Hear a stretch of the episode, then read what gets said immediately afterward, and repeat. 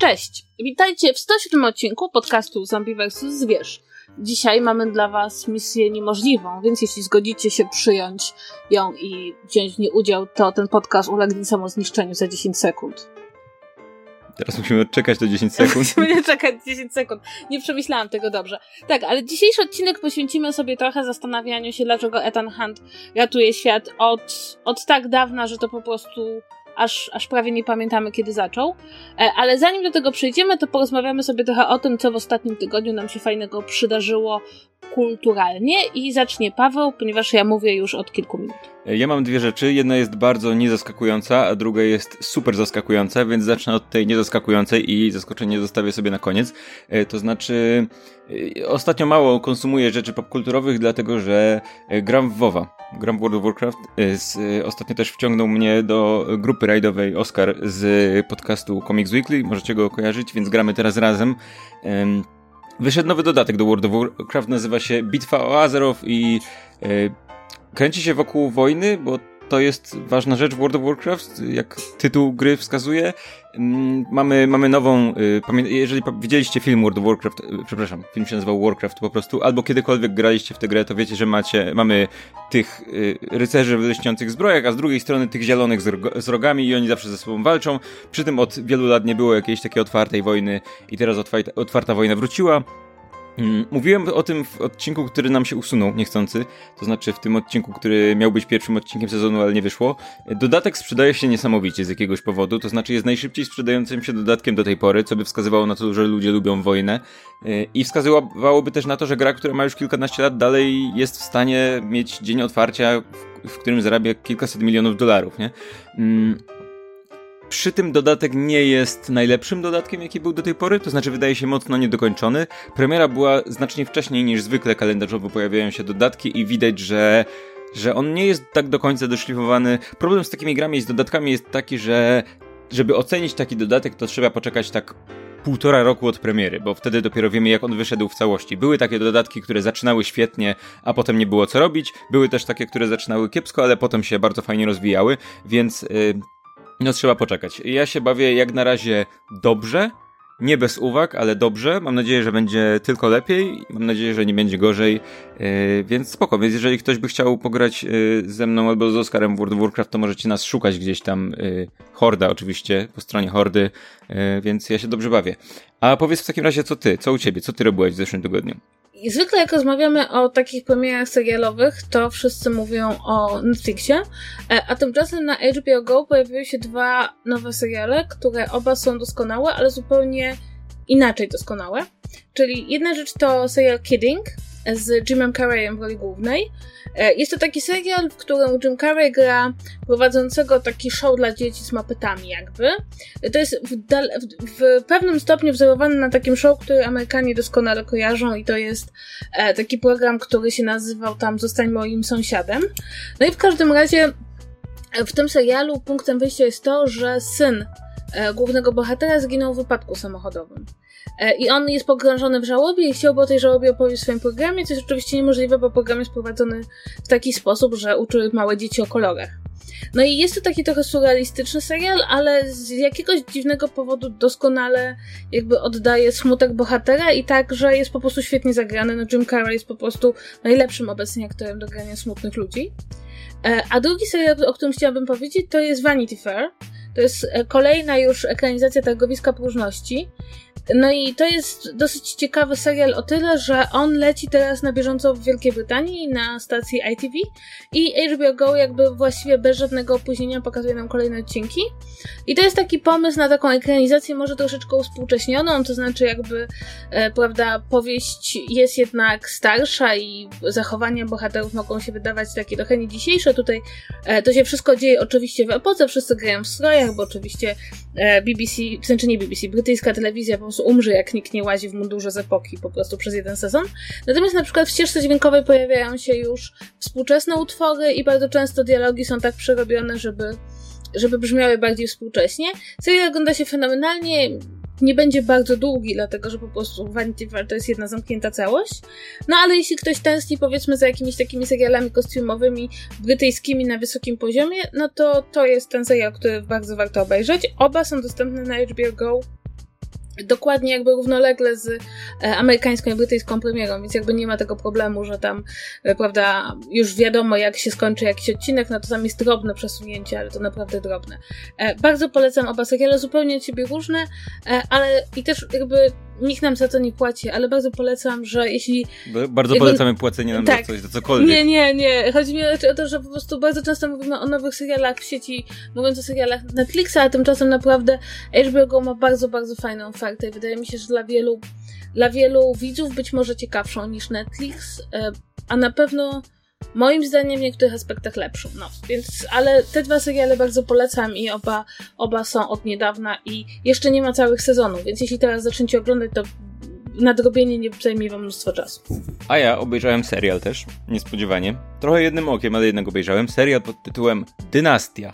I mówię tutaj o dynastii z roku 2017. Obejrzałeś tą nową dynastię, a ja obejrzałam tylko jeden odcinek, więcej nie wytrzymałam. Słuchaj, to było, to było, to było, ja nie wiem co, nie, nie, wiem, nie wiem co mam powiedzieć w tym momencie, bo to jest najbardziej abstrakcyjna rzecz, jaką, jaką mogłem sobie wyobrazić do oglądania, ale jednocześnie było w tym coś takiego, że dobrze się bawiłem oglądając to. Bo ten serial jest absurdalnie zły, ale on jest zły na takim poziomie, że zaczyna być po prostu nie wiem, nie wiem, nie potrafię powiedzieć nawet jaki. Mm, czy to jest taki, taki guilty pleasure? Nie, nie wiem, nie wiem, czy tak bym to nazwał, ale tam się dzieją tak abstrakcyjne i absurdalne rzeczy. Jakby poziom tego, jak bardzo. Poziom dramy, która tam jest, która jest po prostu już tak, tak odjechana, tak podkręcona na tak absurdalnym poziomie. Bohaterowie tam w jednym odcinku się nienawidzą, dwa odcinki później już knują przeciwko komuś innemu razem, bez wyraźnego powodu, poza tym, że mają krótką pamięć. Jeżeli serial sugeruje, że coś jest. coś się dzieje, albo coś się nie dzieje, że coś jest prawdą albo nie jest prawdą, to możecie być pewni, że dopóki się nie dowiecie, zanim się dowiecie, czy to jest faktycznie prawda, czy nieprawda, to serial będzie zmieniał zdanie 15 razy, tak? Bohater jest naprawdę dziedzicem kogoś tam, a tak naprawdę to nie jest, ale jednak okazuje się, że jest, ale w sumie to nie jest, i tak dalej, i tak dalej. Poziom dramy, który tam jest, jest po prostu niesamowity.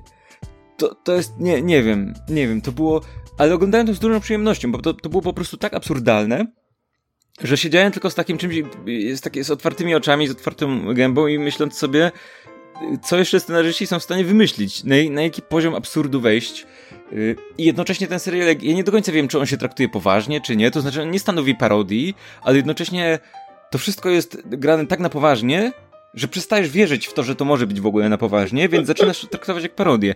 To jest kompletnie odjechane. Polecam spróbować, jeżeli ktoś ma za dużo czasu. Y, to było bardzo dziwne y, przeżycie, naprawdę, ale, ale w sumie bawiłem się nieźle. Jest na, Netflixie w całości, więc pierwszy sezon, z tego co wiem, jest zamówiony już sezon drugi, więc. Y, Kurczę, okay. ja muszę chyba obejrzeć drugi, bo ja obejrzałam tylko pierwszy odcinek, jakby na tym skończyło się moje oglądanie tego serialu, ale. Słuchaj, serial czuję, nabiera w ogóle barw w momencie, jak Alexis wraca. Spoiler jak Alexis wraca, to wszystko po prostu, wszystko się po prostu, co nam się odpierdziela, to jest niesamowite. Wow, wow, naprawdę. Ale Alexis okay. wraca jako, wiesz, ona jest bogata, gdzieś tam żyła za granicą, a potem się okazało, że przez cały czas mieszkała w przyczepie takiej kempingowej, gdzieś w jakimś kurwa polu w ogóle.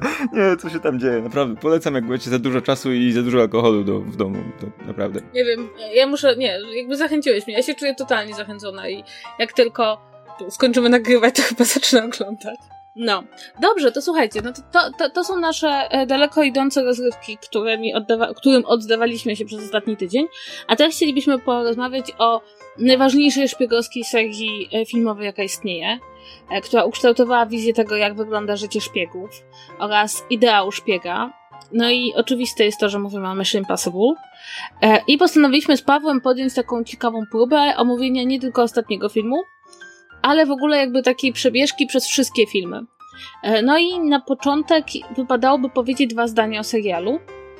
Paweł, czy ty umiesz powiedzieć dwa zdania o serialu? Yy, serial pamiętam mgliście, to znaczy jego oglądałem, jak go oglądałem to Yy, znaczy, szedł w telewizji po prostu, więc podejrzewam, że oglądałem jakieś losowe odcinki puszczane gdzieś tam. W, moja mama była, bardzo jej się ten serial podobał, yy, ale poza tym, że były tam elementy, które potem zostały wrzucone do filmu, mm, to niewiele pamiętam. Niewiele, niewiele pamiętam, jeżeli chodzi o serial. Y, pamiętam mniej więcej styl, pamiętały, pamiętam mniej więcej jak przez mgłę, jak wyglądali bohaterowie, ale ale to, jeżeli to było bliskie czemukolwiek, to najbliżej było pierwszej części filmu do serialu, a to i tak było daleko. Powie, powiem tak, pierwszej scenie w pierwszej części filmu było najbliżej do serialu. Potem już się to rozchodzi.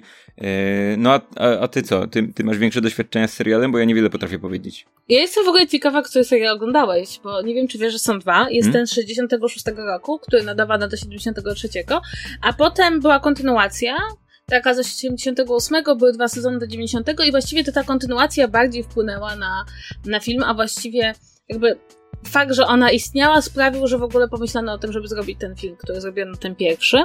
Wydaje mi się, że oglądałem ten z lat 80. Bardzo, bardzo możliwe. po zdjęciach. Tak. E, I co jest, co jest bardzo ciekawe, to w tym oryginalnym e, serialu pojawiło się bardzo dużo elementów, które jakby potem rzeczywiście pojawiają się w seriach i to pojawiają się do dzisiaj, bo na przykład od razu mogę wam powiedzieć, że z jedną z takich bardzo charakterystycznych rzeczy dla Mission Impossible, która jakby nie pojawiała się często w innych serialach, było to, że jakby czołówka z odcinka składała się ze scen, które były w tym odcinku takich bardzo króciutko e, pociętych. Jeśli pójdziecie na Mission Impossible do kina teraz, e, na Fallout, to znajdziecie tam właśnie taką czołówkę. To znaczy czołówka, w której będą fragmenty scen z całego filmu. No i to jest taki bezpośredni hołd do tego klasycznego serialu. Ale jedna z ciekawych rzeczy dotyczących Mission Impossible było to, że twórca tego serialu miał taką wizję, że postacie występujące w produkcji nie powinny mieć za dużo charakteru, nie powinny mieć także za dużo takiego charakter development, e, ponieważ e, będzie bardziej wiarygodna ich praca jako szpiegów, jeśli oni będą taką białą kartką, taką tabula rasa. I to sprawiło, że w serialu na przykład tylko jedna postać tak naprawdę zginęła w ramach fabuły serialu.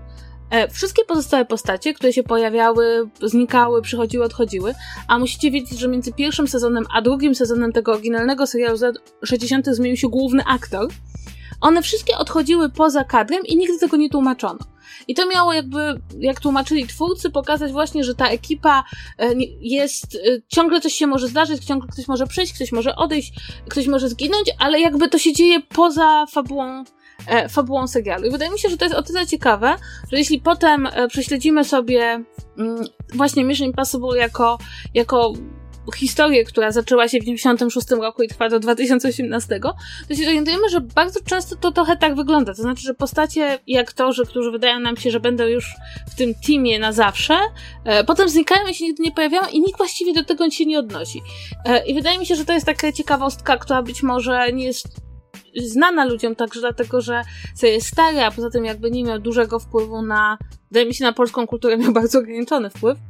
E, ale wydaje mi się, że to jest taka ciekawostka. No i oczywiście z serialu filmy biorą te takie charakterystyczne elementy, to znaczy to przyjęcie misji przez agenta, mm, ten taki samospalająca się wiadomość, fakt, że pracują dla tajnej organizacji, która, znaczy, no tajnej, dla organizacji, która istnieje poza tymi znanymi organizacjami, czyli nie wiem, CIA czy FBI, no i też fakt, że jakby każde działanie bohaterów jakby zawiera ten taki element, w którym oni muszą stworzyć skomplikowany plan, dzięki któremu uda im się wykonać no tą niemożliwą misję. To y, ta agencja w ogóle ma złą nazwę, bo ona powinna się nazywać bardzo nieprawdopodobna misja. Bo one za każdym razem się, jakby te misje się udają za każdym razem, więc co, co je czyni niemożliwymi. To jest bez sensu trochę. Ale dobra, przejdźmy w takim razie do filmu. Rok 96 yy, pojawia się pierwsza część filmu. Reżyserem jest Brian De Palma, a już od początku producentem jest Tom Cruise, bo to jest jego, jego małe dzieciątko. Ty wiesz skąd się w ogóle wziął ten pomysł realizacji tego? Czy to wyszło od Toma Cruza, czy on się do tego podpiął po prostu, a potem już został właścicielem niejako tej, tej serii? Jak to wygląda? E, co znaczy, a ja powinnam to wiedzieć? No nie wiem, pytam, bo ja nie wiem na przykład. Wiem, że Tom Cruise od początku że... jest e, zaangażowany, jest to traktowane jako takie jego dziecko, tylko nie wiem, czy od początku to było jego dziecko, czy on je gdzieś po drodze przejął, adoptował, że tak powiem. To znaczy, wydaje mi się, że ta taka producencka rola Toma Cruza jako tego producenta, który jest bardziej decydujący o to, w którym kierunku to idzie, zaczyna się od drugiego Mission Impossible. E, że to dopiero od tego momentu i też jakby, kiedy krytykowano my, kolejny Mission Impossible, bo pierwsze było dobrze przyjętym filmem. Natomiast kiedy krytykowano kolejny Mission Impossible, to właśnie po części ze względu na to, że Tom Cruise był, jakby wszyscy wiedzieli, że to nie tylko jest jego ukochane dziecko, ale także, że on właśnie od tej strony producenckiej zaczyna mieć coraz bardziej decydujące zdanie. Więc wydaje mi się, że to się zaczyna od drugiego filmu. a nie od pierwszego. Okej, okay. ale dobra, w takim razie nie rozmawiajmy o tym, co nam się wydaje, rozmawiajmy o tym, co wiemy, a wiemy prawdopodobnie to, jak film nam się podobał.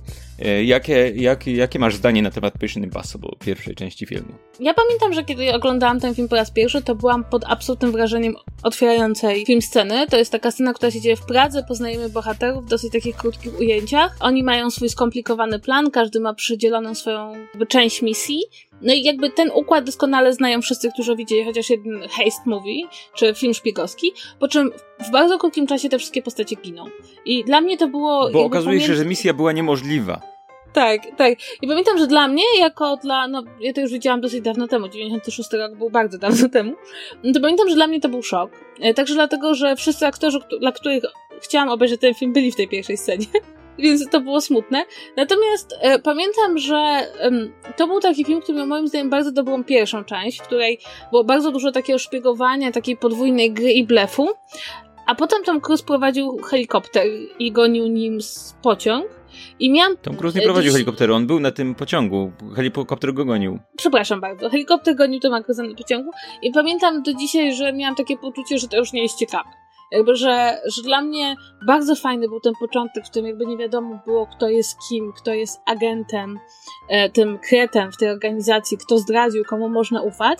I to mi się bardzo podobało i było takie też, no Brian De Palma umie kręcić filmy, które, w których jest napięcie, e, a potem to się zrobiło już po prostu głupiotkie. I to pamiętam wtedy, że byłam dosyć zawiedziona zakończeniem.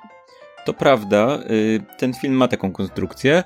Przy tym y, dla mnie też jest trochę tak, że pamiętam, że jak oglądałem ten film, to on mi, mi przedstawił wiele rzeczy związanych z powiedzmy taką konwencją filmów szpiegowskich, nie? On mi po, ra, po raz pierwszy je pokazał, a jak to często z takimi filmami, które pewne rzeczy pokazują ci po raz pierwszy bywa, jeżeli teraz go oglądam, to wydaje mi się nudny. I zdecydowanie mam, e, zgadzam się z tym, co ty mówisz, że początek, kiedy jest głównie budowanie napięcia i nie bardzo wiadomo, yy, co się dzieje, to to jest ta mocniejsza strona filmu, ta strona, w której głównie biegają po pociągu, już wiemy tak naprawdę, kto jest zły, kto jest dobry, więc tylko czekamy, aż pobiegają sobie po pociągu, pouciekają helikopterami, przed helikopterami, które gonią pociąg z jakiegoś powodu i tak dalej, i tak dalej. To jest ta część, która jest może efektowna, ale zdecydowanie bardziej nudna, chociaż i tak najbardziej zaskakuje mnie fakt tego, że w roku 96 dziesięcioletnia Katarzyna Czajka miała już swoich ulubionych aktorów, których chciała zobaczyć w Mission Impossible i świadomie wybrała, że zobaczy ten film dlatego, że ma swoich ulubionych aktorów, a oni umarli. I wyobrażam sobie taką dziesięcioletnią ciebie idącą do kina dla tam Żana Reno, czy coś nie dla Żana Reno, on, on akurat żyje, dla tego, kto tam jeszcze jest y, z tych, co umierają um, ojciec Larry Croft y, umiera. John Voight. John Voight y, przy, przychodzisz, uwielbiam Johna Voighta. Dziesięcioletnia Kasia taka siedzi, wchodzi do tego, John Voight ginie w pierwszej scenie, ale potem się okazuje, że żyje, więc wszystko w porządku. Um, Okej, okay, więc mieliśmy taki film i co? I potem była dłuższa chyba przerwa z tego, co pamiętam, bo kolejny się pojawia w roku 2000, 2000 czyli okej, okay, to nie jest najdłuższa przerwa, to jest tylko, jest tylko 4 lata. lata. Wydawało mi się, że jakoś tak długo nie było tych filmów, a początek nie, po, jednak... po, po, po drugiej części mamy mm. taką przerwę, która jest dłuższa. Natomiast e, ja nie wiem, jakby druga część jest w latach 2000, w związku z tym ja już jestem zupełnie innym widzem, e, a także widzem, który jest na tyle zainteresowany, że czytałam o produkcji filmu e, i pamiętam, że w przypadku właśnie drugiego Mission Impossible takim absolutnie kluczowym elementem było to, że Tom Cruise sam wykonuje wszystkie akrobacje i, e, i te popisy kaskaderskie, no i e, pamiętam, że czytałam taki opis tego Johna Woo, bo John Woo nakręcił e, drugi Mission Impossible, który ogląda przez kamerę jak Tom Cruise bez zabezpieczeń, bez liny, w tych takich specjalnych butach drapuje się na skałę, bo tak się zaczyna druga część. I, I o mało nie dostaje ataku serca, ponieważ zdaje sobie sprawę, że jak Tom Cruise spadnie, to to już nie tylko nie będzie filmu, ale też kariery i, i mnóstwo problemów i zabiją jednego z najpopularniejszych wówczas aktorów w Hollywood. E, e, I ja do dzisiaj, jak oglądam tą scenę, to nie widzę Toma Cruza, tylko tego biednego, spoconego Johna Woo za kamerą. E, natomiast pamiętam, że to był taki element, który wtedy zaczęto bardzo, bardzo reklamować w kontekście tych filmów. Zresztą do dzisiaj on jest bardzo reklamowany, prawda? To znaczy Mission Impossible to są te filmy, w których Tom Cruise naprawdę przyczepia się do helikoptera, samolotu, budynku, nie wiem czego jeszcze. Myślę, że o tym jeszcze będziemy mieli okazję porozmawiać również przy najnowszej części. Tak. Natomiast jeśli chodzi o sam film, to uważam, że jest absolutnie piramidalnie głupi i uważam, że jest piramidalnie głupi od samego początku do końca i w ogóle ten ta chimera, która jest koszmarnym wirusem. Natomiast ten film cenię, znaczy cenię, ma dwie, dwa ważne elementy. Jeden z punktu widzenia uniwersum Mission Impossible, znaczy wprowadza te maski, które można założyć i są nie do odróżnienia do żywych ludzi. Które były już w pierwszej części. Tak, ale jakby w tej drugiej części wydaje mi się, że je ulepszyli. Albo mi się tylko tak wydaje i nie pamiętam znaczy, tego dobrze. W pierwszej części, wiesz, y, ten sam aktor grał po prostu drugą rolę i one od początku były y, chyba dość istotnym elementem z tego co pamiętam. I to jest jakby jeden z ten, rozpoznawalnych elementów serii, zaraz obok wybuchającej wiadomości i tak dalej, i tak dalej, tak, te maski. Ale pamiętam, że w drugiej części te maski wydawały mi się wyjątkowo głupie. E, no i druga rzecz, za którą cenię Mission Impossible bardziej niż cokolwiek innego, E, zdjęcia do Mission Impossible 2 się przedłużyły i aktor, który miał zagrać e, Wolverina, nie mógł go zagrać i dlatego gra go Hugh Jackman. Okej. Okay. Um, Mission Impossible 2 Wydaje mi się, że ta kwestia z maskami przede wszystkim wynika z tego, że w tej drugiej części te maski były wykorzystane do dramy, bo ten film był niesamowicie dramatyczny.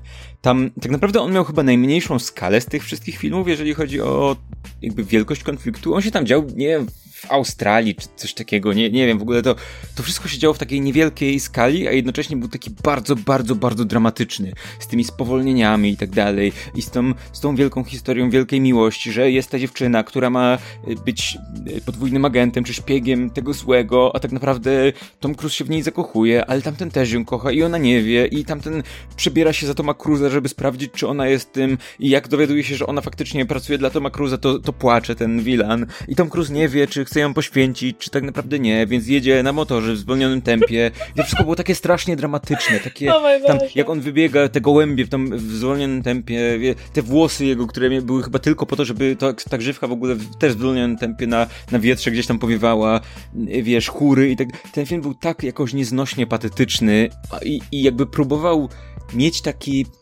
nie, nie wiem, wiesz co, kojarzył mi się z takim tylko... intelektualnym anime, z takim, że siedzisz i oglądasz i mówisz, okej, okay, to, jest, to jest nadal anime, tylko po prostu myślą, że jak dorzucą chóry, to będzie nagle bardziej intelektualnie jakoś tak, nie wiem, nie wiem, nie mam pojęcia jaki to miał być film.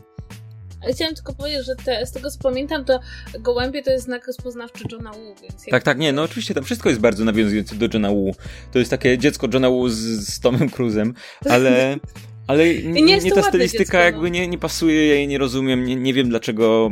Znaczy, wydaje mi się, że nie, nie pasuje przynajmniej do Mission Impossible, że to, że być może jakby to był film Johna Woo od początku do końca, okej, okay, ale to jest jakby Mission Impossible, tylko tym razem w, zrobione w stylu Johna Woo. To jest tak jak wiesz, jak idziesz do restauracji, jak idziesz do, do KFC i dostajesz danie orientalne. Okej, okay, to niby jest danie orientalne, ale to są kawałki kurczaka z KFC, więc to nie jest do końca danie orientalne i to jest tak mniej więcej. To nie jest do końca film Johna Woo, bo to jest trochę, tam są kawałki Toma Cruza, ale tylko polany sosem z Johna Woo, nie? Więc... Ym... Przepraszam, ale jaki gołci się zrobił tutaj. Tak, dziwne rzeczy tam się dzieją. E, no, więc, więc to chyba jest ten najmniej ulubiony film, jeżeli chodzi o wszystkich, absolutnie. E, a ponieważ y, każdy z tych filmów miał innego reżysera, do niedawna, to kolejny film w 2006 roku, po faktycznie najdłuższej przerwie, zrobił J.J. Abrams.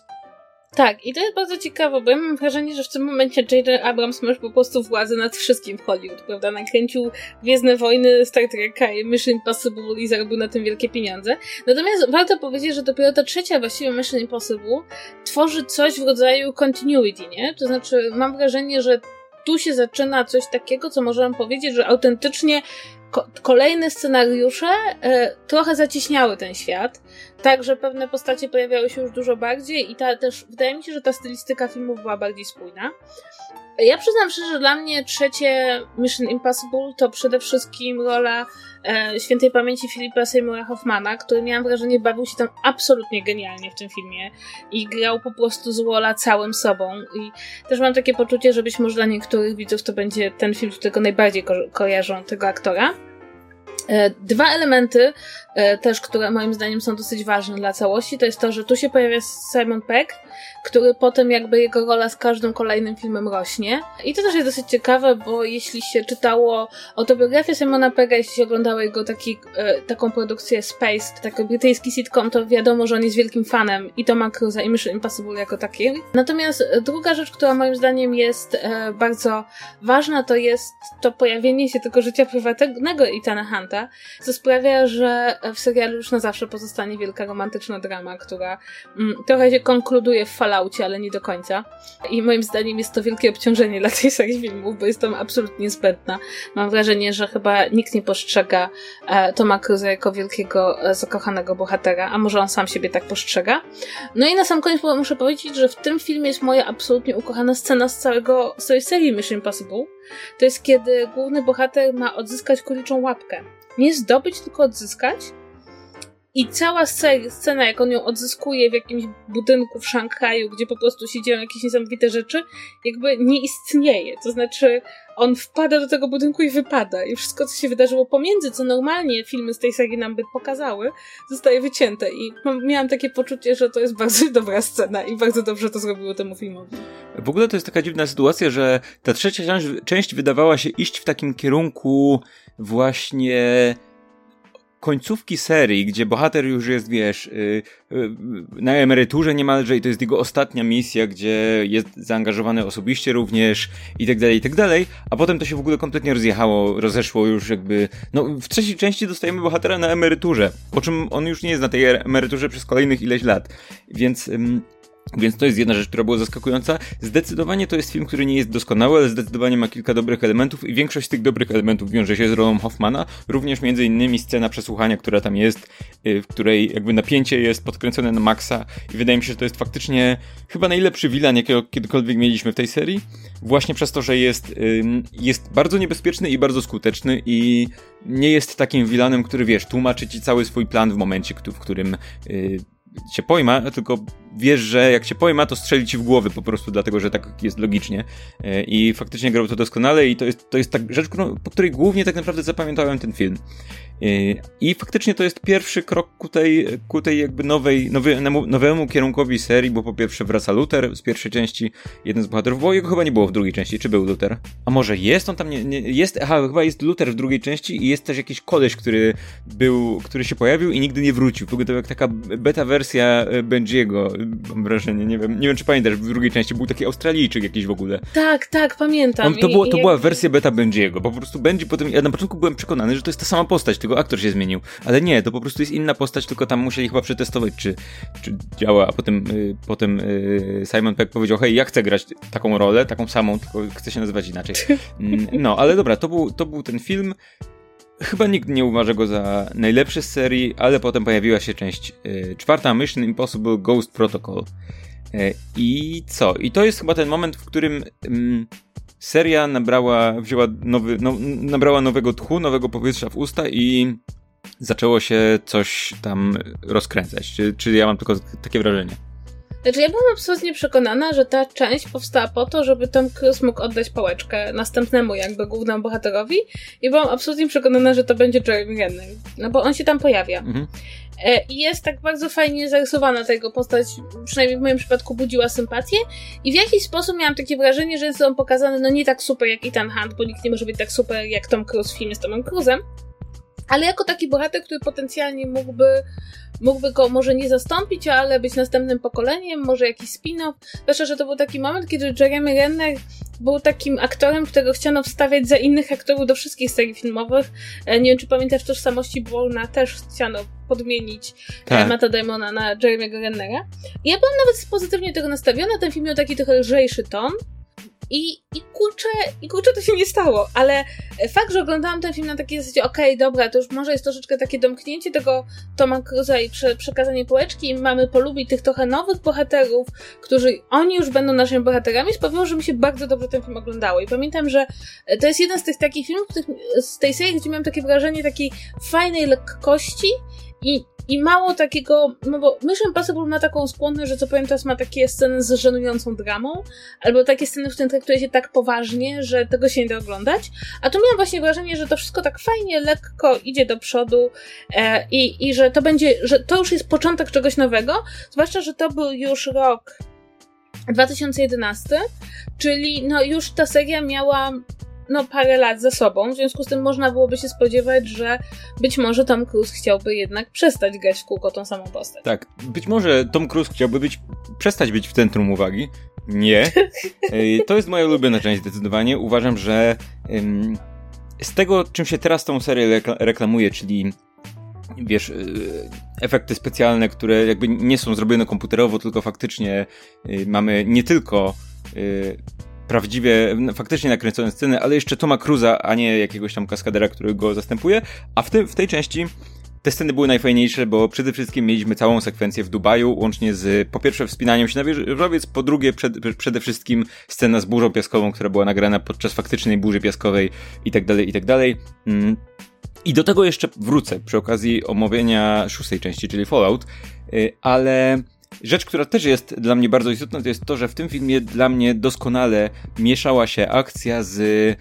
Czy, czy sceny akcji mieszały się z historią, która tam się działa. To znaczy, mm, mieliśmy bardzo ładne połączenie tego, że elementy fabuły czy elementy suspensu pojawiały się w trakcie scen akcji, także to nie, nie było tak, że okej, okay, teraz mamy scenę akcji, okej, okay, a teraz mamy kawałek pchnięcia fabuły do przodu, a teraz znów scena akcji, tylko to wszystko było bardzo ładnie zgrane i bardzo płynne, a jednocześnie te filmy, te sceny akcji nie tylko były efektowne, ale też były czymś, czego nie widziałem wcześniej w kinie w takiej formie. Więc to jest absolutnie moja ulubiona część.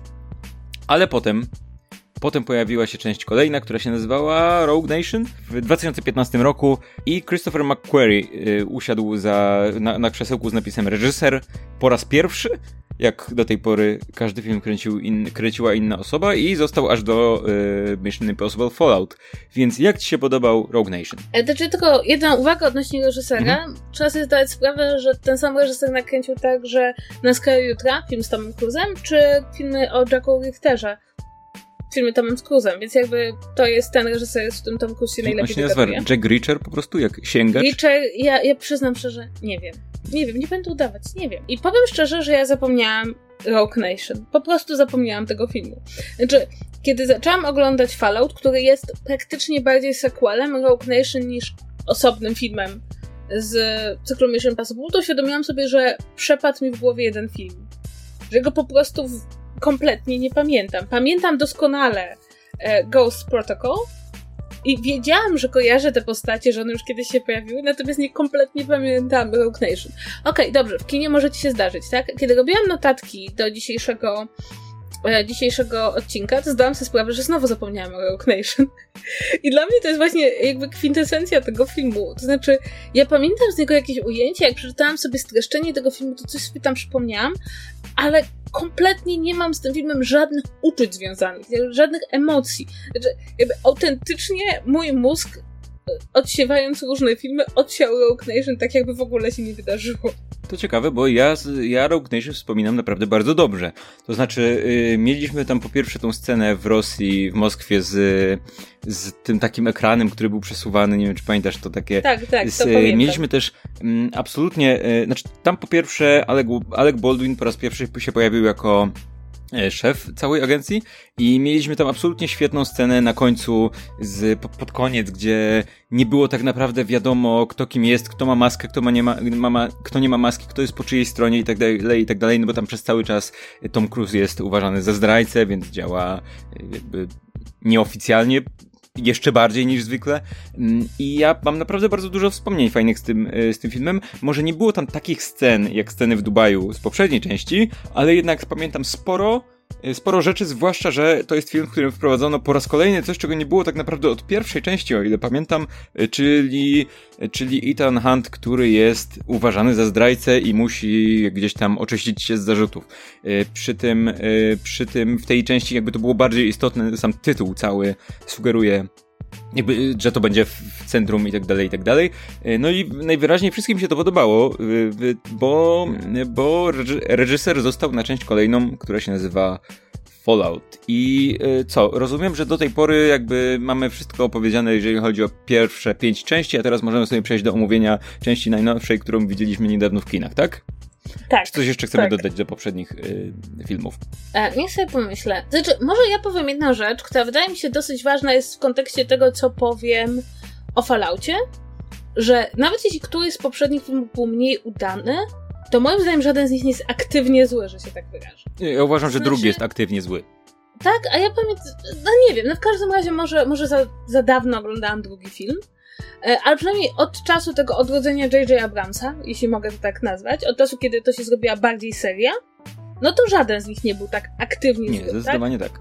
To, tu się zdecydowanie zgodzę. I może powiedzmy, ponieważ mi się wydaje, że tak naprawdę to, co, to, co oglądamy, ten Fallout, to jest jakby koniec takiego story arku, który zaczyna się w, w tej trzeciej części Mission Impossible.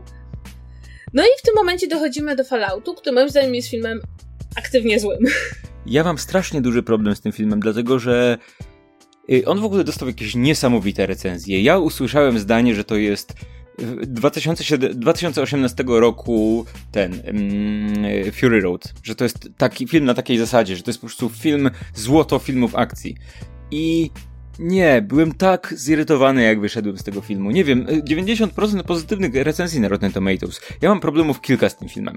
Po pierwsze, bardzo doceniam to, że wszystkie te sceny kręci Tom Cruise faktycznie i to wszystko jest naprawdę. Pamiętam jak była ta scena w poprzedniej części, zdaje się, że na, zaraz na początku, gdzie Tom Cruise, yy, bohater, razem, startował razem z samolotem, trzymając się drzwi, i faktycznie to Tom Cruise był przypięty do drzwi samolotu, który startował 20 razy, żeby to po powtarzać tę scenę. I w momencie, jak wiesz, że, tak, że to jest, że to nie jest tak, że nakręcili to na green screenie, tylko masz świadomość, nawet, nawet taką podświadomą świadomość, że, że to jest naprawdę, to mam wrażenie, że zrobi to jednak znacznie większe wrażenie. Problem polega na tym, że Fallout zrobiono z tego tak wielką wartość filmu, że wszystko inne zeszło na drugi plan. I w tym momencie ten film służy tylko i wyłącznie temu, żeby pokazywać, jaki Tom Cruise jest wysportowany i fantastyczny. To znaczy, po pierwsze, prowadzi to do tego, że sceny akcji są jakieś trzy razy za długie. To znaczy, to super, że Tom Cruise jeździ faktycznie sam samochodem i motorem wśród innych samochodów i ucieka po mieście i tak dalej, i tak ale jak widzę pościg samochodowy, który wygląda mniej więcej jak pościg z Borna. Być może jest tam więcej praktycznych efektów, a nie jakiegoś CGI czy kaskaderki. Znaczy, jest kaskaderka, ale e, wykonywana przez aktora faktycznie. Fajnie, super, tylko dlatego, dlaczego ten pościg jest trzy razy za długi? Po drugie, jest w tym filmie scena, gdzie Tom Cruise przez 10 minut ekranowych biegnie. I biegnie z punktu A do punktu B. Nie goni nikogo, to znaczy jakby podąża za kimś, ale ten ktoś nie wie, że jest ścigany, więc nie ucieka aktywnie. Nikt jego nie goni. Nie trafia na większe przeszkody, po prostu biegnie. Przez 10 minut biegnie tylko po to, żebyśmy my, widzowie, mogli popatrzeć sobie, jaki Tom Cruise, 60-letni, czy ile on tam ma lat, jest wysportowany, bo biegnie przez 10 minut. I wow, to było tak męczące, naprawdę. Ja, ja wiem, to jest wszystko super, te, te, te wyczyny Toma Cruza, ale ale jak to jest jedyna i główna wartość filmu i film robi wszystko, żeby nie umknęła nam ani sekundę tego, jak wspaniały jest Tom Cruise, no to ja się zaczynam po prostu nudzić. Znaczy, moim zdaniem jednym z największych problemów tego filmu jest to, że w pewnym momencie jakby to jest Mission Impossible, tak? Wiemy, że bohaterowi musi się udać. Po prostu jakby na tym polega Mission Impossible, że każdy mission is possible. E, I wiesz, że bohaterowi musi udać. Jeśli film jest dobrze nakręcony, jeśli sceny akcji są wystarczająco porywające, to zapominasz o tym, że mu się musi udać i wiesz, że może, i masz takie poczucie, może mu się nie uda, może tu się coś stanie, może zostanę zaskoczony. Tymczasem jakieś ostatnie 20 minut filmu, to masz coś takiego, że ty czekasz, aż bohaterowi się uda i stawiane są przed nim kolejne przeszkody, ale ponieważ film w żaden sposób ci nie angażuje na takim poziomie, że wychodzisz poza tą świadomość, że to się musi dobrze skończyć, bo musi, bo też stawki są tak wysokie, że gdyby się źle skończyło, to by to nie miało sensu, że czujesz się wręcz zirytowany tym wyczekiwaniem i tymi kolejnymi przeszkodami i jakby patrzysz z boku na zasadzie, ileż oni się będą jeszcze prali po mordach. Ja przynajmniej miałam takie uczucie e, i to nie jest tak, że za każdym razem masz to uczucie, bo bardzo dużo filmów się kończy takim praniem się po mordach, ale jeśli są dobrze nakręcone, jest dobrze nakręcony film, to jesteśmy w środku opowieści, jesteśmy zaangażowani, zapominamy o tym, że istnieje jakiś schemat fabularny, który nakazuje nam takie wyczekiwać takiego, a nie innego zakończenia. Tu tego zupełnie nie miałam. I też zupełnie tego nie miałam, dlatego że te postacie tutaj są bardzo, moim zdaniem, słabo zarysowane. I kiedy coś się im dzieje, albo coś się z nimi dzieje, to przynajmniej ja nie miałam takiego poczucia, że to jest dla mnie ważne. E, świetnym przykładem jest to, mogę spoiler podać? Mogę spoiler? No, dajesz, no. No, spoiler. To jest śmierć Aleka Baldwina w tym filmie. To znaczy, ten film sam w sobie nie daje Baldwinowi zbyt dużo miejsca do grania. I tak naprawdę ta jego śmierć ma znaczenie tylko wtedy, jeśli masz powiedzmy na świeżo bardzo jego postać z poprzedniej części, ale nawet wtedy to jest teoretycznie ma być to poruszająca scena, ale to ma być scena, która ma być ci przykro, smutno, masz się zorientować, jak wysokie są stawki, ale prawda jest taka, że to jest takie odfajkowanie zabicia kogokolwiek, bo ktoś musi zginąć, to weźmy kogoś, kto zasadniczo rzecz biorąc jest mało istotny. I bardzo często w tym filmie są takie sceny, które e, z jednej strony twórcy cię przekonują, że one są jakieś ważne i emocjonalne, a z drugiej strony patrzysz takie masz, no, no to zdarzyło się. I mam, mam poczucie, że to jest olbrzymia wada tego filmu. Inna sprawa jest taka, że po prostu tam postacie są po prostu tak, tak źle napisane. Ja nie wiem, jakby e, Henry Cavill jest, naprawdę ma super momenty w akcji, ale fakt, że jakby wielkim plot twistem filmu ma być to, że on nie jest dobry, jest o tyle trudny, że on od samego początku gra po prostu gra z Wola. I mam takie poczucie, że ja nie wiem, czy to był zamiar tego filmu, ale kurczę, no to był najgorszy plot twist filmowy, jaki widziałem od dawna. I trzecia uwaga to powraca nasz wielki wątek romantyczny i po prostu cały ten romantyczny element, w którym nasz bohater ratując świat przed zagładą atomową trafia na swoją byłą żonę, która ma męża i ten mąż jest taki sympatyczny i ogólnie rzecz biorąc jest taka awkward scena, gdzie, gdzie prawda, gdzie ten mąż mówi, że może tam podwieźć gdzieś Toma i żeby sobie porozmawiał ze swoją byłą żoną. To masz takie... Jednocześnie nie wiedząc, że ona jest y, jego byłą żoną, bo ona, ten mąż nie wie o tym, tak? Tak. I to jest takie, masz takie, nie wiem, ja miałam takie poczucie, że to w ogóle nie pasuje do tego filmu. To jest, e, zwłaszcza, że jakby nie ma czasu na to, żeby te e, relacje między tymi postaciami jakoś pogłębić. Te postaci, jakby ci bohaterowie nie widzieli się od bardzo dawna. Też jakby nigdy ta żona Toma Cruza w tym filmie nie była jakoś szczególnie, ona, Julia się nazywa, e, dobrze napisaną postacią, więc nagle w samym środku tego całego ratowania świata masz jakiś taki szczątkowy melodramat, który zamiast poruszać, przynajmniej mnie bawił. E, więc mam wrażenie, że ten film chciał zrobić bardzo dużo rzeczy naraz. Chciał zakończyć jakieś wątki, które były zaczęte wiele, wiele lat temu, chciał chyba rozpocząć trochę historię na nowo, ale jednocześnie e, wyjątkowo był nużący. Jedyną naprawdę fajnie napisaną postacią, moim zdaniem, w tym filmie i o której chciałabym zobaczyć więcej, to jest ta postać grana przez Vanessa Kirby. Ta biała wdowa, czyli taka, mm, taka przykrywająca pod działalnością charytatywną różne niezne sprawki, bardzo niezależna kobieta, która jest w stanie wszystkie te międzynarodowe agencje trzymać na dystans, pośrednicząc w wymianie poszukiwanych przez nich złodziei, terrorystów i i ludzi tam z listy poszukiwanych i bardzo mi się koncepcja tej postaci podobała. Więc tyle mam do powiedzenia. Kilka mam problemów z wątkiem, w ogóle z zakończeniem, y, z wieloma jego elementami. Jednym z nich jest faktycznie ten wątek romansowy, romantyczny czy cokolwiek, który, z którym mam też kilka problemów. Przede wszystkim to jest powrót drugoplanowej w gruncie rzeczy postaci z trzeciej części filmu, która była 12 lat temu. Naprawdę nie, nie wiem, kto na tym etapie oczekiwał rozwiązania wątku byłej żony głównego bohatera, który ma się nijak do niczego, a nie pomaga mi, nie wiem czy, mo, może to jest tylko ja, powiedz mi, bo może to jestem tylko ja, nie pomaga mi to, że obecna love interest Itana Hunta i jego była żona są bardzo podobne do siebie. Ja nie wiem, czy to było, czy aktorki były wybierane według klucza y, kobiety, które podobają się Tomowi Cruzowi.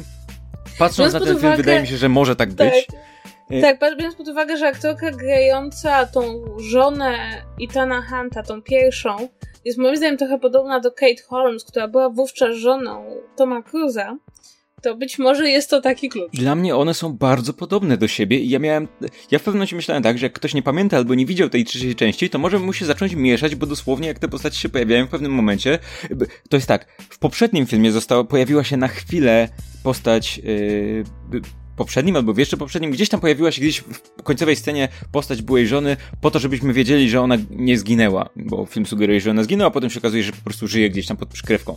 I czy, czy, czy jak nie, jak w zwiastunie się pojawiła, to ja nie byłem pewien, czy to była, czy to wraca ta była żona, czy to jest ta postać z poprzedniej części tej agentki całej brytyjskiej. Yy, więc to też nie pomagało. Ten, w ogóle cały ten powrót nie, nie miał sensu zakończenie tego filmu całe nie ma sensu, więc skoro już spoilerujemy, w pewnym momencie okazuje się, że bohaterowie, że, że przeciwnicy mają kilka godzin head startu przed bohaterami i lecą w jakimś tam kierunku, mając bomby atomowe ze sobą. Bohaterowie wiedzą w jakim kierunku, są kilka godzin do tyłu za nimi, po czym w kolejnej scenie lądują w tym samym miejscu, w którym ci źli są, a ci źli w tym czasie, mając te ileś go... Po pierwsze bohaterowie, okay, mogli ruszyć za nimi samolotem, czymkolwiek, ale nie wiedzieli, gdzie wylądują. Więc musieli lecieć za nimi, sprawdzić, gdzie wylądują, mając dalej te kilka godzin do tyłu, tamci źli musieli stwierdzić, ok, mamy kilka godzin do przodu, co zrobimy? Może włączymy, może po prostu wysadzimy te nasze bomby, które chcemy zrobić, zajmie nam to 15 minut, żeby odlecieć na wystarczającą odległość. Nie, spędźmy kilka godzin na przygotowaniu zmyłek i pułapek i zagadek dla bohaterów, żeby, że jak przylecą i będą próbowali roz... roz ten... Yy, co się robi z bombami? Yy, rozbroić te bomby, to żeby mieli trudniej. Gdyby oni przylecieli, postawili ten helikopter, włączyli tą bombę i odlecieli, i nie zastanawiali się, co się dzieje, to w ciągu tych 15 minut nikt by tych bomb nie rozbroił. Ale oni spędzili kilka godzin na przygotowaniu przylotu bohaterów, na, na przylot bohaterów, które by nie nastąpiły, znaczy ten przylot by nie nastąpił, gdyby od razu wysadzili te bomby. Więc tego zakończenia nie powinno być w ogóle. A po drugie, po, ostatnia rzecz. Wiemy, że Tom Cruise nie zginie w tym filmie, ok?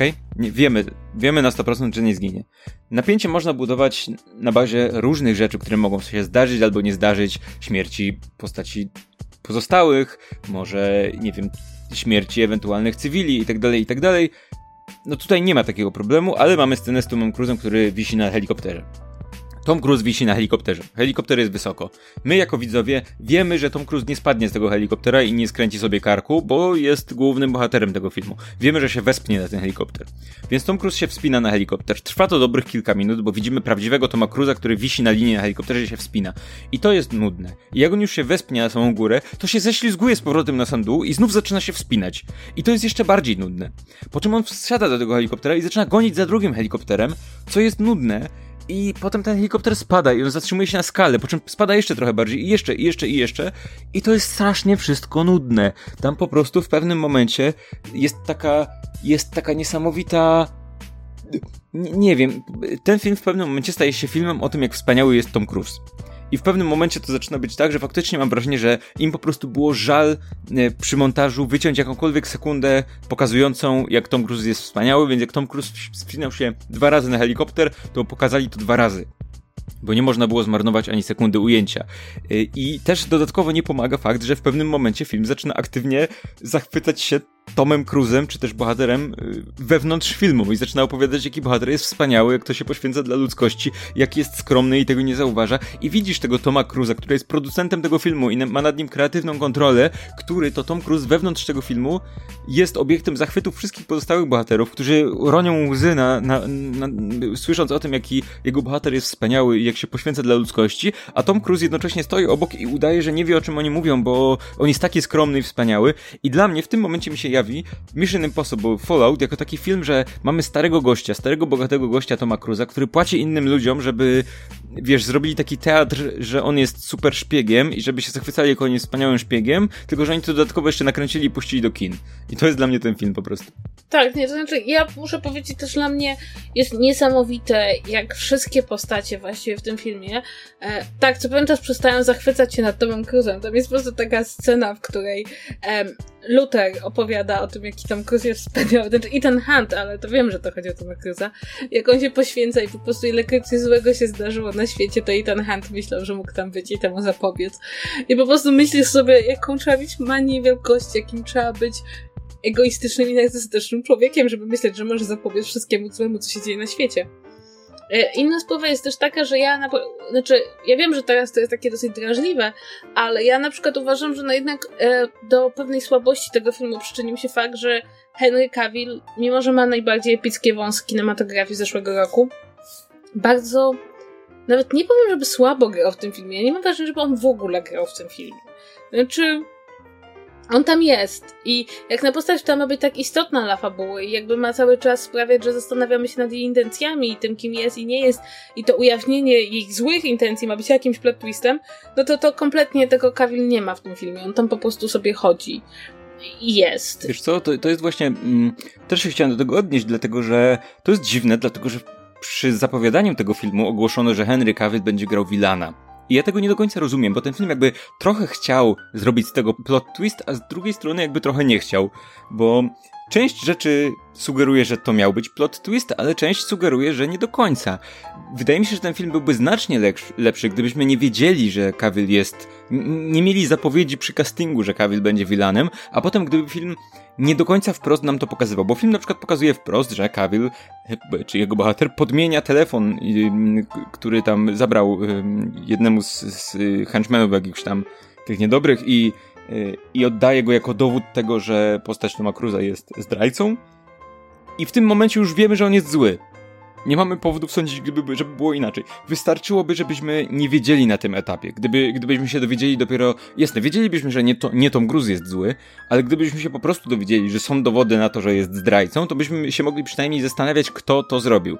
Jasne, pewnie byśmy się dość szybko domyślili, ale jednak gdyby było cokolwiek, co sugerowałoby, że ta postać nie jest taka zła. Tymczasem on z jednej strony jest od początku, pokazy, od początku jakby pokazywany jako vilan, a po drugie jest od początku pokazywany jako niekompetentny idiota z jakiegoś powodu. Już od tej sceny, kiedy wyskakują z tymi um, spadochronami, wyskakują i i w tym momencie jakby on zachowuje się nie tylko jak debil, tylko jak niekompetentny debil i prawie ginie dlatego, że nie wiem dlaczego. Dlatego, żeby film, że film chciał nam pokazać, że on jest idiotą i nie należy go lubić. Nie mam pojęcia. Wydaje mi się, że byłoby znacznie lepiej, gdyby ten film y, faktycznie nam sugerował, gdyby ta postać była faktycznie sympatyczna i gdyby film nam sugerował, że ona jest ok i mielibyśmy, musielibyśmy się zastanawiać, czy to faktycznie on jest zdrajcą, czy jednak nie on jest zdrajcą, bo tam jest e, potencjał ku temu, dlatego, że nawet jeżeli on zaczyna grać przeciwko Ethanowi Huntowi, to możemy sobie myśleć tak, ok, no ale wszyscy uważają, że Ethan Hunt jest zły, więc z jego perspektywy to on robi dobrze. Więc moglibyśmy mieć tu trochę pomieszane w głowie jako widzowie. Ale nie mamy i wydaje mi, wydaje mi się, że, że Henry Cavill też nie bardzo wiedział, jak ma grać tę postać. Czy ma grać ją jako wilana, e, czy ma grać ją jako miłego typa. I wydaje mi się, że, że e, te teorie potwierdza to, że jak on już jest otwarcie zły, to wydaje mi się, że on trochę nabiera wiatru w żagle, i za, bo, bo, przynajmniej zdaje, się, zdaje mi się, że wie, co ma grać w tym momencie i gra po prostu takiego stereotypowego wilana z wąsem, a wcześniej mam wrażenie, że aktor nie miał pojęcia, w jaki sposób ma grać tę postać. Czy ma bardziej być sympatycznym gościem, czy ma faktycznie pokazywać, że jest tym wilanem, więc wydaje mi się, że tutaj był problem. Tak, nie, ogólnie, ogólnie muszę powiedzieć, że ten film miał bardzo, moim zdaniem przynajmniej, e, bardzo dużo słabych scen i też prawdę powiedziawszy, niby budował jakieś napięcie, że stanie się coś strasznego. I ja nie wiem, ale ja już mam też troszeczkę dosyć. Przyznam szczerze, tego wielkiego, strasznego planu złych ludzi, polegający na tym, że wysadzą coś bombą atomową. Ponieważ to jest też, to, tak, tak jest w naszej popkulturze, że bomba atomowa jest takim stałym straszakiem, ale jednocześnie jest w większości przypadków straszakiem bezpiecznym. Ponieważ jeśli ktoś ma zdetonować bombę atomową, to jest to tak wielkie zagrożenie, że tak naprawdę nie jest zagrożeniem. I to jest taki kulturowy trop, prawda? To znaczy polegający na tym, że ta bomba atomowa jest największym możliwym zagrożeniem od czasów zimnej wojny, ale w istocie bardzo rzadko wybucha, a jeśli wybucha, to mamy do czynienia z zupełnie innym gatunkiem filmowym. Więc ja już mam troszeczkę też dosyć tego tropu, zwłaszcza, że kurczę, jest tyle innych fajnych tropów, które można tutaj byłoby umieścić i naprawdę scena, w której nasz główny bohater gubi Pluton jest przynajmniej moim zdaniem niezamierzenie komiczne. Zresztą mam też wrażenie, że w tym filmie jest trochę scen, które są niezamierzenie komiczne, a przynajmniej dla mnie takie były. I właśnie to zachwycanie się Tomem Cruzem mnie straszliwie pobiło. Dla mnie ten film jest meta w ogóle, wiesz? Ja uważam, że wyobraź sobie taką historię właśnie, że masz bogatego aktora, którego już nikt nie chce poważnie zatrudniać i on sobie myśli tak, kurczę, przeżyłbym jakąś przygodę. Jestem aktorem całe życie, albo tam jestem jakimś milionerem, a przeżyłbym jakąś przygodę. Wiem, to zrobię sobie takie dla samego siebie takie wesołe miasteczko. Zatrudnię różnych aktorów, oni mi wymyślą fabułę i ja będę w centrum tej fabuły i wszyscy będą udawali, że ja faktycznie jestem agentem, bo jestem bardzo bogaty i chcę to przeżywać. I mam wrażenie, że my to właśnie do, dokładnie to oglądamy. A jeszcze chciałam powiedzieć, że dla mnie jedną z zabawniejszych scen i taką doskonale pokazującą, o czym jest ten film, jest scena, w której e, zupełnie przypadkowa policjantka zostaje zamieszana w wymianę ognia i w ogóle taką bardzo nieprzyjemną sytuację pomiędzy naszymi bohaterami a złymi. I jakby fakt, że to, to, to, jest długa scena, w której Tom Cruise, mówiący z koszmarnym francuskim akcentem po francusku, znaczy z amerykańskim akcentem po francusku, jakby przeprasza tą policjantkę i jakby pokazuje, że on tutaj rozwala wszystko, ale tej jednej policjantki jakby nie chce narażać i tak, i tak jakby e, stara się nikogo nie zabijać i być taki pokojowy, ale jak oni tylko zranili tą policjantkę, to on musi się odstrzelić. I to jest po prostu taka scena, która jest tak strasznie bezsensownie przed, e, rozbudowana, e, a jednocześnie właśnie doskonale ma pokazywać to, że nasz bohater jest taki dobry, że nawet jak kogoś postrzelą w jego obecności, to on w jego osobistym języku bardzo grzecznie przeprosi za to, że kogoś postrzelili. I to mnie tak strasznie bawi ta scena, a prawdopodobnie jest ona zbudowana po to, żebyśmy zrozumieli, jakim dobrym człowiekiem jest ten Han. Jak cały ten film. E, wydaje mi się, że jeżeli... Powiem jeszcze tylko jedną rzecz krótko, bo mówiłem o tym wcześniej, tempo tego filmu. To znaczy, o ile tak jak chwaliłem przy czwartej części mieliśmy ładne zgranie scen akcji z, z fabułą, to tutaj było, absolutnie było tak, że mieliśmy 15-minutowe przerywniki na to, żeby bohaterowie sobie pogadali i pchnęli fabułę do przodu, po czym mieliśmy 20-minutową scenę akcji. Ta, ten film jest podzielony na scenę akcji, takie segmenty i niestety te sceny akcji są bardzo sztampowe. To znaczy jasne, są nagrane, tak jak mówimy cały czas, realnie i tak dalej, i tak dalej, praktycznymi efektami, z prawdziwym Tomem Cruzem, oryginalnym, niepodrabianym, ale problem polega na tym, że te sceny akcji to jest pościg helikopterem, pościg po mieście, y, wiesz, takie najbardziej ograne rzeczy z, z, z, filmów, z filmów akcji. Pościg gdzieś tam po dachach, pościg po wodzie, gdzieś tam wyskakiwanie z helikoptera, z samolotu ze spadochronem. Takie najbardziej, wiesz, ograne rzeczy być może zrealizowane lepiej, ale jednak nie było to nic, czego nie widziałem wcześniej. Ale wydaje mi się, że jakby streścić problemy tego filmu do, do jednej, jednej rzeczy, to wydaje mi się, że tą jedną rzeczą byłby, byłoby ego Toma Cruza. Po prostu ego Toma Cruza, które wylewa się z, z, zewsząd w tym filmie. Cały ten film jest podporządkowany temu, żeby pokazać, jaki Tom Cruise jest wspaniały, jaki jest wysportowany, jakim jest świetnym aktorem, jak pięknie ratuje świat, bo tu gdzieś Tom Cruise się miesza z bohaterem tego filmu. Mam wrażenie, że on sam nie wie, czy jest Tomem Cruzem, czy Ethanem Huntem. I to jest dla mnie największy problem tego filmu. I ja aktywnie cierpiałem, tak jak mówisz, oglądając go. No i to będzie chyba wszystko, jeśli chodzi o naszą dotychczasową narrację o Mission Impossible. E, jeśli nic się nie zmieni w psychice Toma Cruza, to zobaczymy kolejną część. E, co zaczyna czynić Mission Impossible jakąś jedną z najbardziej rozciągniętych w naszym życiu serii filmowych. E, jestem bardzo, bardzo ciekawa, czy ta seria filmowa w ogóle będzie istnieć poza Tomem Cruzem, bo to też wydaje mi się jest bardzo ciekawe pytanie, czy kiedykolwiek jakby, jeśli Tom Cruise przejdzie na emeryturę, podejrzewam bardzo późną, czy jeśli zrezygnuje z grania Ethana Hunta, to czy, to czy ta formuła w ogóle powróci z jakimś innym aktorem, czy to jest tak po prostu związane z tym jednym aktorem, że to już na zawsze będzie przywiązane. Co nie jest jakby, nie jest takim oczywista jest tutaj odpowiedź, ponieważ jak wiemy, na samym początku wydawało się, że może być tylko jeden James Bond i to się potem zmieniało przez lata. E, w każdym razie to tyle na dzisiaj.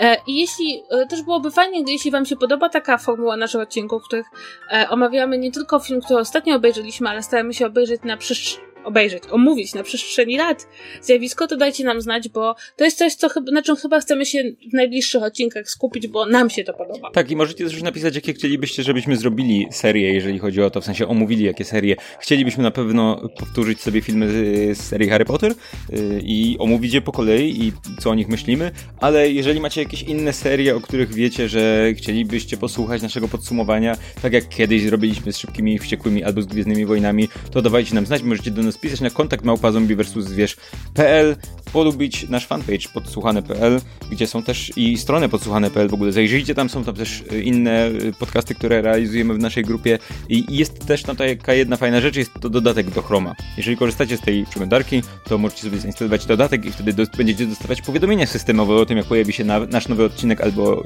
nowy odcinek z, z, z, innych podcastów w naszej sieci. E, no i polubcie nasze social media, wszystkie znajdziecie na podsłuchane.pl, Twittery, Facebooki, grupy itd., tak itd. Tak to sobie już poszukajcie. I co? Tyle od nas w tym tygodniu. Mamy prawie godzinę nagraną, więc yy, wyjątkowo długi odcinek, więc co? Słyszymy się za tydzień. Tak, i ten podcast ulegnie teraz samozniszczeniu. Tak, za 10 sekund, więc szybko wyłączcie, bo telefon wam zepsuje się i co? Będzie źle. Yy, żegnajcie. No. Cześć, papa.